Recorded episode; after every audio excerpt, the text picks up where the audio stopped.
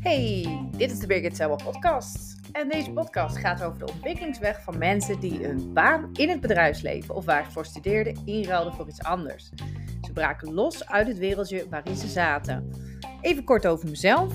Uh, ik ben dus Birgit en in 2018 vlieg ik na 10 jaar mijn carrière als recruiter in het Amsterdamse bedrijfsleven. Uh, vanaf toen begon een zoektocht naar wie ben ik nou eigenlijk? Wat kan ik nou eigenlijk? Wat wil ik nou eigenlijk? En hoe kan ik nou iets bijdragen aan de wereld door gewoon echt mezelf te zijn? En dat doe ik onder andere door het maken van deze podcast. En vandaag uh, maak ik een spontane solo-podcast, omdat ik ineens uh, ja, echt een burst energie heb. Er ging net een afspraak niet door en ik dacht ineens, hé, hey, eigenlijk heb ik al een hele tijd dat ik wat kleine dingen wil delen over uh, het pad van zelfontwikkeling. En ik wil gewoon mijn ervaring met jou delen vandaag. En um, ja, dat ga ik zo meteen ook doen. Ik ga een aantal dingen aanstippen van hoe het begon. Ik heb uh, een tijdje geleden een keer een post gemaakt over Vipassana, meditatie, dat ik naar Thailand ging. En daar ga ik het deze aflevering over hebben. Maar voordat ik uh, los ga breken, um, wil ik ook zeggen dat ik nog even wat kort wat dingen over human design ga vertellen. En um, dat ik ook gewoon nog niet weet wat ik precies ga zeggen. Dus het wordt een spontane manifesting generator, sacral response, enthousiaste podcast, omdat ik gewoon zin had om even een solo podcast op te nemen. En deze podcast is audio only en staat niet op YouTube, dus lucky you als je deze hebt ontdekt. Um, voordat ik ga beginnen, vind je deze podcast nou leuk of inspirerend? Geef me dan alsjeblieft een goede podcastbeoordeling met een korte motivatie in jouw favoriete podcast app. Je zou me er mega mee helpen. Dankjewel. En dan nu de podcast.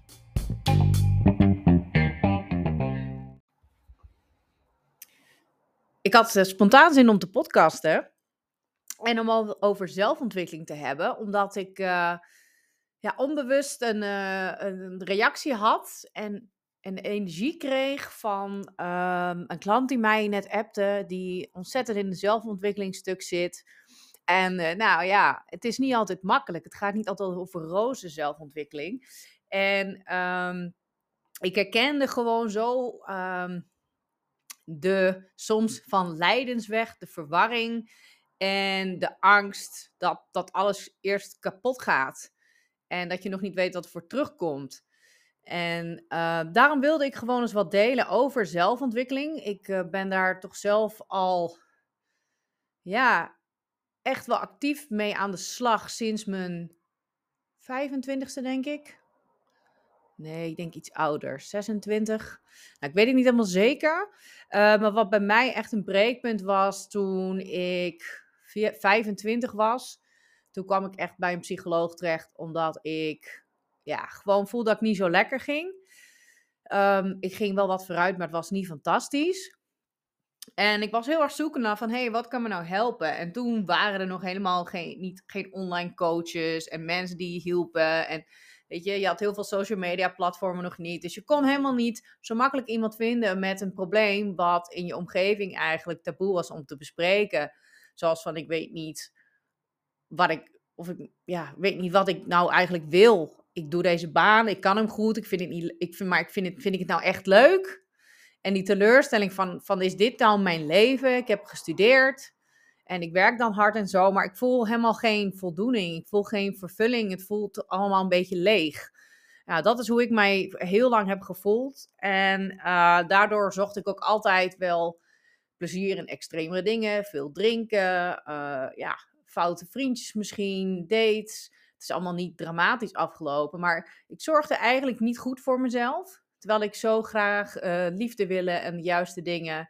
En uh, ik kon mezelf altijd wel in het gareel houden. Maar gelukkig, ja, dat was ik zelden. En ieder jaar kreeg ik van mijn beste vriendinnen eigenlijk wel een kaartje of een post. Ik hoop dat dit jaar je alles brengt wat je wil. En die tekst die bleef gewoon zoveel jaren lang terugkomen. En ja, ik krijg tegenwoordig die kaart krijg ik nooit meer. Die wens meestal ook niet. Mensen, weet je, het, het is zo was ook heel moeilijk voor mijn omgeving, voor mijn vrienden te zien dat er iets niet goed was. En dat ik af en toe echt van die nervous breakdowns en moest huilen en al die dingen. Dus ja, weet je, op een gegeven moment kom je op een punt dat je erachter komt van, hé, hey, misschien moet ik eens hulp gaan zoeken. En dat was mij ook wel eens gezegd door, uh, uh, door mijn, uh, een van mijn oudste beste vriendinnetjes, Petra. En dat was niet degene, ja, misschien schreef hij ook wel eens dat op een kaartje. Um, maar dat waren meer mijn hotelschoolvriendinnen. Um, hoe dan ook, de bumpy road van de zelfontwikkeling, is het het waard?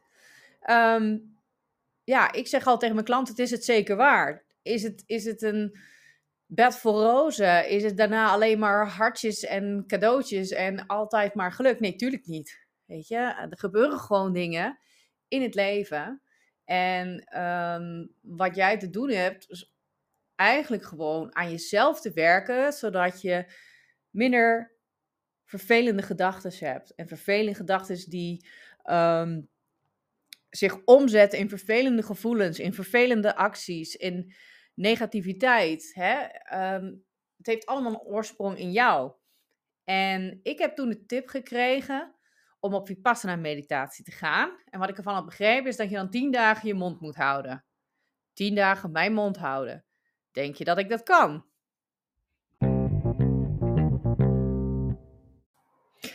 Ja, dat wist ik zelf ook niet helemaal. Uh, maar daar maakte ik me niet zo druk om. Want ik had ook nog bedacht dat ik dan naar Thailand ging vliegen in mijn eentje. Nog nooit zo ver weg geweest. En dat ik dan drie dagen in Bangkok ging blijven. En daarna met de bus naar Pitsanulok ging. Naar een, uh, een Dhamma retreat. En um, daar bleef ik dan zo'n tien nachten. En ik vond het best wel spannend. En um, het ging dus ook niet zo goed met me. Mijn hoofd was vol. Ik was gestrest van werk. Weinig rust genomen. En ik denk, nou ja, weet je, dit is gratis. En heb ik toch nog een beetje een soort van goedkope vakantie wel naar een ver land. Ik had een goede vlucht gevonden. Dus betaalde alleen mijn vlucht en een paar dagen Bangkok. En met die Vipassana ja, kreeg je verder alles gratis. Want op dat moment mag jij gewoon nemen. En dat is voor iedereen gelijk. Dus dat, dat draait op donaties achteraf. Dus bij deze al heb je een laag budget, Vipassana is dus echt iets wat je kan gaan doen. Je kan dat ook in Nederland en België doen. Daar zijn ook centra. Dhamma.org. Hier verdien ik dus niks mee. Dit is een vrijwilligersorganisatie, maar ik vind het echt fantastisch werk wat ze doen. En zeker als je dus altijd merkt dat je heel veel, heel druk hoofd hebt. En als je merkt dat er gewoon uh, kindertrauma's zitten en bepaalde dingen, een bepaalde conditionering, die kunnen heel diep gaan. En uh, dit is je kans om tien dagen afgesloten van de buitenwereld, zonder te hoeven praten met mensen, zonder mobiele telefoon, zonder internet. Ja, ik weet het, doodeng. Um, geen boeken, niet schrijven. Echt gewoon jezelf aan te kijken aan de binnenkant. En heel eerlijk, um, ik wist verder niet zo goed hoe en wat. Ik schijn een van die grote spontane gekken te zijn, die ook binnen zes weken op het vliegtuig is gestapt en het is gaan doen. En zelfs de Thai mensen zeiden, oh, you are very brave. I still didn't dare to go to Vipassana. Oké. Um, nou ja, ik in Bangkok, dikke jetlag, uh, drie keer per dag lumpia eten daar, heerlijk.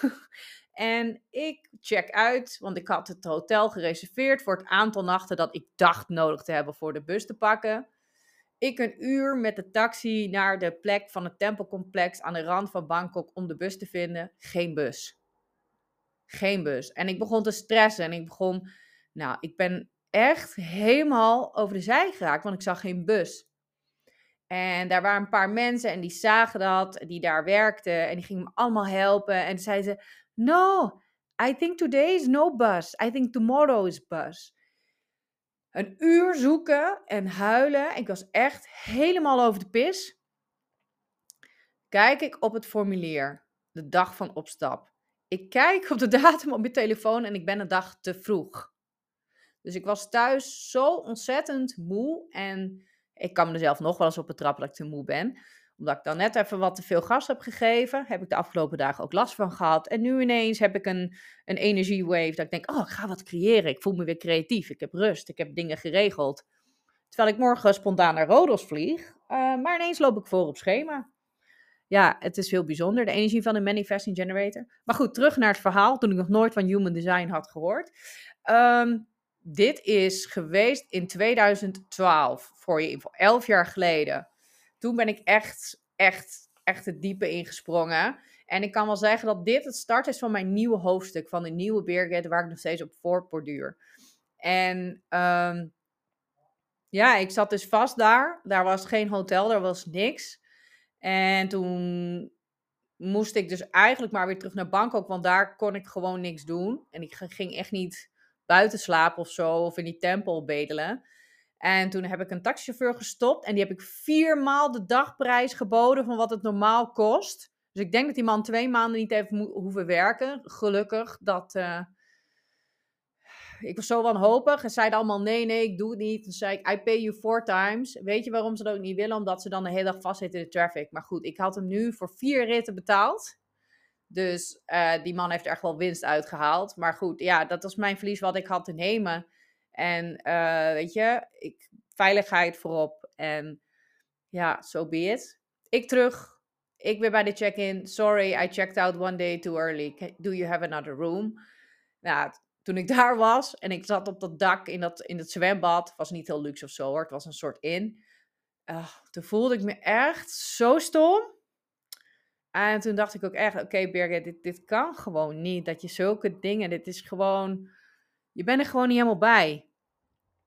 En um, ja, dat vond ik best wel een, een heftig besef. En goed, volgende dag daar weer heen. De bus stond er natuurlijk, allemaal mensen erin. Heel veel Thai mensen. En iets van twaalf uh, westerse mensen eh, van Amerika. Uh, ook, ja, één, één kwam wel uit Azië, geloof ik, maar een beetje Middle East en Frankrijk en een meid uit Zwitserland. En ik herinner ze allemaal nog heel goed. Ik heb ook een foto die ik op uh, socials wel eens post met een Amerikaanse. Weet je, ik heb ze allemaal nog wel op Facebook. Het was een Russische spreekt elkaar niet echt meer, maar je hebt elkaars energie wel gevoeld die dagen. En toen kwam ik daar aan, check-in, uh, allemaal vragenlijsten invullen, drugsgebruik, hoeveel drink je, wat doe je allemaal. Uh, uh, niet om per se beoordeeld te worden, maar dat ze wilden weten hoe je was. Hè. Je had ook al je moeten aanmelden voor een bepaalde selectie. En dan lever je in je telefoon, alles in een kluisje. En je krijgt je kamer, je krijgt je bedje en dit is het schema. En ik begreep dan niet heel goed, want het Engels was niet heel duidelijk. Um, en van de Thai. En na het avondeten, toen was het nog gezellig en zo. Toen konden we nog zitten. Toen uh, was het, we gaan nu naar de tempel. Uh, of tempel. En dan, uh, nou, toen kwamen er allemaal vouws en dingen. En het was allemaal in van dat Indiaas Engels. Want meneer Goenka, de officiële opname was van meneer Goenka uit Burma. Ja, en dat heeft echt zo'n Indiaas accent. En uh, ik snapte het allemaal niet, maar goed, moest allemaal dingen volgen wat je wel niet mag doen. En toen waren we dus al in silence. Oké. En ik, ja, ik had niet helemaal door, maar goed, toen moest ik dus mijn mond houden. En um, ja, ja en, en daarna was gelukkig ook alles erop ingericht dat je eigenlijk niks hoefde te vragen. Uh, schotjes op jouw vaste plek. Het was heel strak, heel veel structuur. Wel een gong, ochtends om vier uur. Maar dat niet praten was eigenlijk heel makkelijk. Er praatte niemand tegen mij. Ik hoefde niks te vragen. En als ik echt iets mocht vragen, dan kon ik altijd aan de begeleiding vragen. Mij heb ik één keer moeten vragen of ze wc-papier hadden, want dat was op in het toilet. Nou, en, en ik heb uiteindelijk één keer een vraag gesteld aan de assistant teacher. Er waren trouwens ook monniken daar. Maar dat niet praten, dat was het allermakkelijkste. Terwijl mensen, als ze mij denken, denken ze, nou, die, die kan echt de mond niet houden. Dat kan ik zeker wel. Ik kan heel stil zijn en heel erg in mezelf.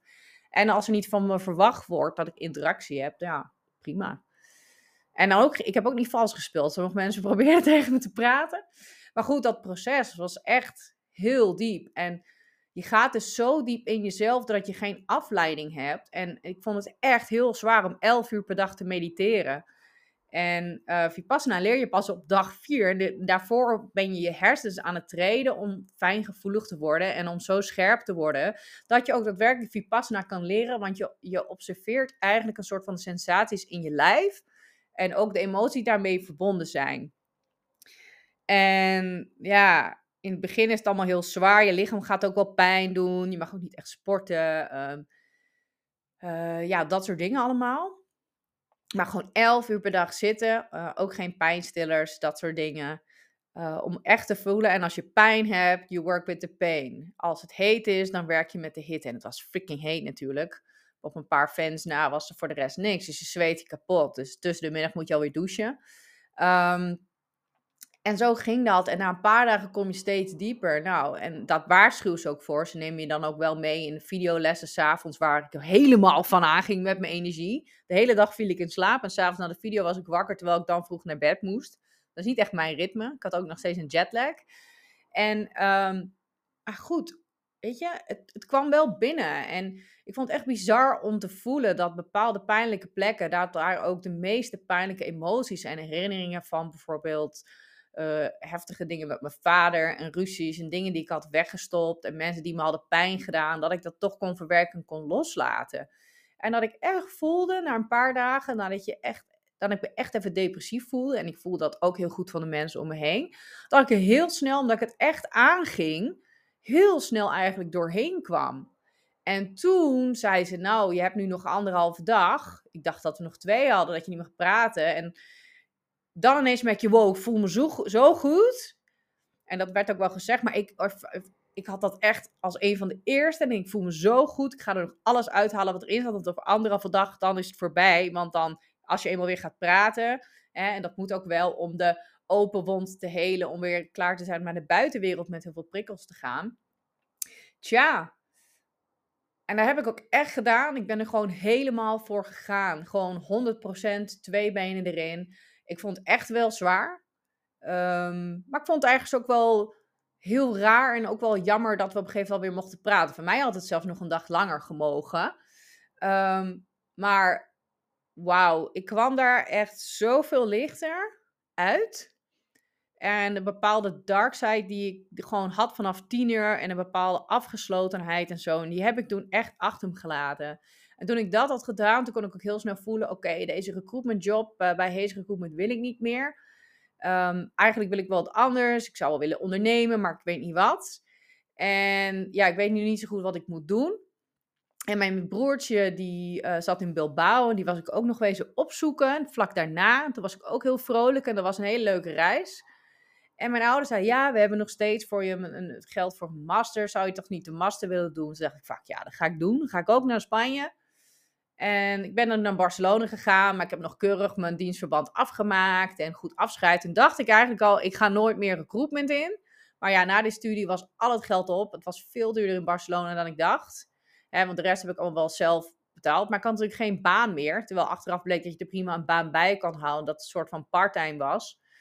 Maar ja, ik dacht ook, dit is wel kans om Spaans te leren en om mezelf tegen te komen. En ik, heel eerlijk, ik voelde me toch nog best wel een beetje depressed.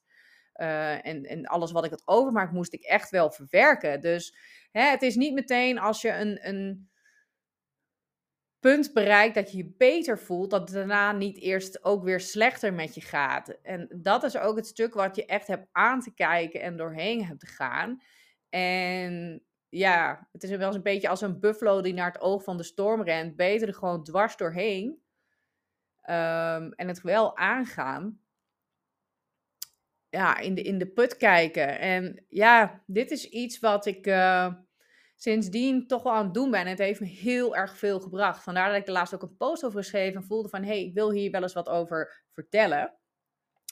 En in de afgelopen jaren heb ik Ehm, ja, nog ontzettend veel dingen gedaan. En met deze podcast wil ik je eigenlijk gewoon aanmoedigen dat als jij nu in een proces zit en je denkt van, ach, die zelfontwikkeling, kan ik beter mijn oogkleppen ophouden en gewoon doen wat me gevraagd wordt en gewoon doen alsof ik gelukkig ben in deze baan, zoals ik altijd deed. Um, is er ook een keuze wat je kan doen. Maar als je deze podcast luistert, dan heb je al het bewustzijn dat je eigenlijk niet zo gelukkig bent. Dus ik zou zeggen, en wat ik je echt wil meegeven van dit verhaal voor mezelf, is zelfontwikkeling is zwaar. Zelfontwikkeling is niet makkelijk, maar het gaat jou de pot met goud wel opleveren. Je gaat een betere relatie met jezelf hebben. Je gaat jezelf veel beter kennen. Je kan veel betere keuzes maken voor jezelf. Je kan veel beter met familie en vrienden overweg. Maar je zult ook bepaalde mensen achter je laten die eigenlijk slecht voor je zijn. En dat heb ik toen ook gedaan. En dat gaat ook wel een beetje een rouwperiode aan vooraf, omdat je aan het veranderen bent. Um, maar het heeft heel veel voor me gedaan. Heb ik daarna mijn recruitment en carrière en alles? Nee, ik ben daar nog wel in doorgegaan, maar wel op een andere manier. En doordat ik dit ben aangegaan met die Vipassana, was er een zaadje geplant wat langzaam ging groeien. Ging groeien, ging groeien. En ik probeerde daar af en toe een beetje tegen te houden, want ik wilde er ook wel bij horen. Ik wilde geld verdienen. En ik wist nog niet wat ik wel wilde. Dus ik had van, nee, ik blijf mezelf gewoon ontwikkelen. En uh, dan komt het antwoord wel. En op een gegeven moment werkte ik dus bij Oliver James Associates. En toen heb ik het ook heel leuk gehad in Londen. En daarna terug in Amsterdam ging het eigenlijk best wel kloten. Toen heb ik toch doorgebeten, omdat ik ook wel voelde: oké, er is hier ook veel te leren. Ik kan hier ook een ontwikkeling maken. En ik wil gewoon aan mezelf laten zien dat ik het kan. Als ik ooit wegga, dan wil ik zelf weggaan. En dit is toen wat ik met mezelf heb afgesproken. Um, ook omdat ik ergens wel voelde, ja, dit is het uiteindelijk niet helemaal, maar voor nu ga ik dit gewoon zo goed mogelijk doen. En uiteindelijk is dat zaadje natuurlijk wat geplant is, dat je wel weet dat je wat anders wil. Ja, dat is bij mij wel bovengekomen nadat mijn vader in 2016 is overleden. Alleen heeft nog echt even geduurd. En weet je, soms, ze noemen het ook wel de dark night of the soul. Er gaan echt donkere periodes aan, waar je ook doorheen moet om je uiteindelijk beter te voelen. Maar als ik nu kijk naar hoe ik vroeger opstond, in, voor 2012, um, ja, weet je, zes van de zeven dagen stond ik op met een gevoel van meh, of van stress, of van ik wil dit niet, of ik ben moe, ik vind het niet leuk. En als ik kijk naar de weg die ik ben gegaan sindsdien, elf jaar later, ja, dan sta ik eigenlijk gewoon nooit op met een meh gevoel. Of met ik heb geen zin. Soms wel een keer met ik ben moe, omdat ik niet zo goed heb geslapen of wat te hard heb gewerkt. Ik weet natuurlijk ook voor mezelf. Maar ik was daar nooit gekomen. Ik was hier nooit gekomen en ik was nooit echt mijn dromen achteraan gegaan. Als ik niet toen de beslissing had gemaakt om gewoon mezelf open te stellen en mezelf te gaan ontwikkelen. En zelfontwikkeling heeft tijd nodig. Maar ik wil je hierbij wel echt van harte uitnodigen om als je dit hoort, er nu gewoon mee te starten. En stel nou dat je voelt van, hey Birgit, wat je zegt, best wel een cool verhaal. Het resoneert wel. Um, ik heb ook een baan, maar ik vind dat toch niet zo leuk. En ik heb ook wel het gevoel dat het gewoon niet helemaal goed zit. Ik voel me ook gewoon niet zo goed.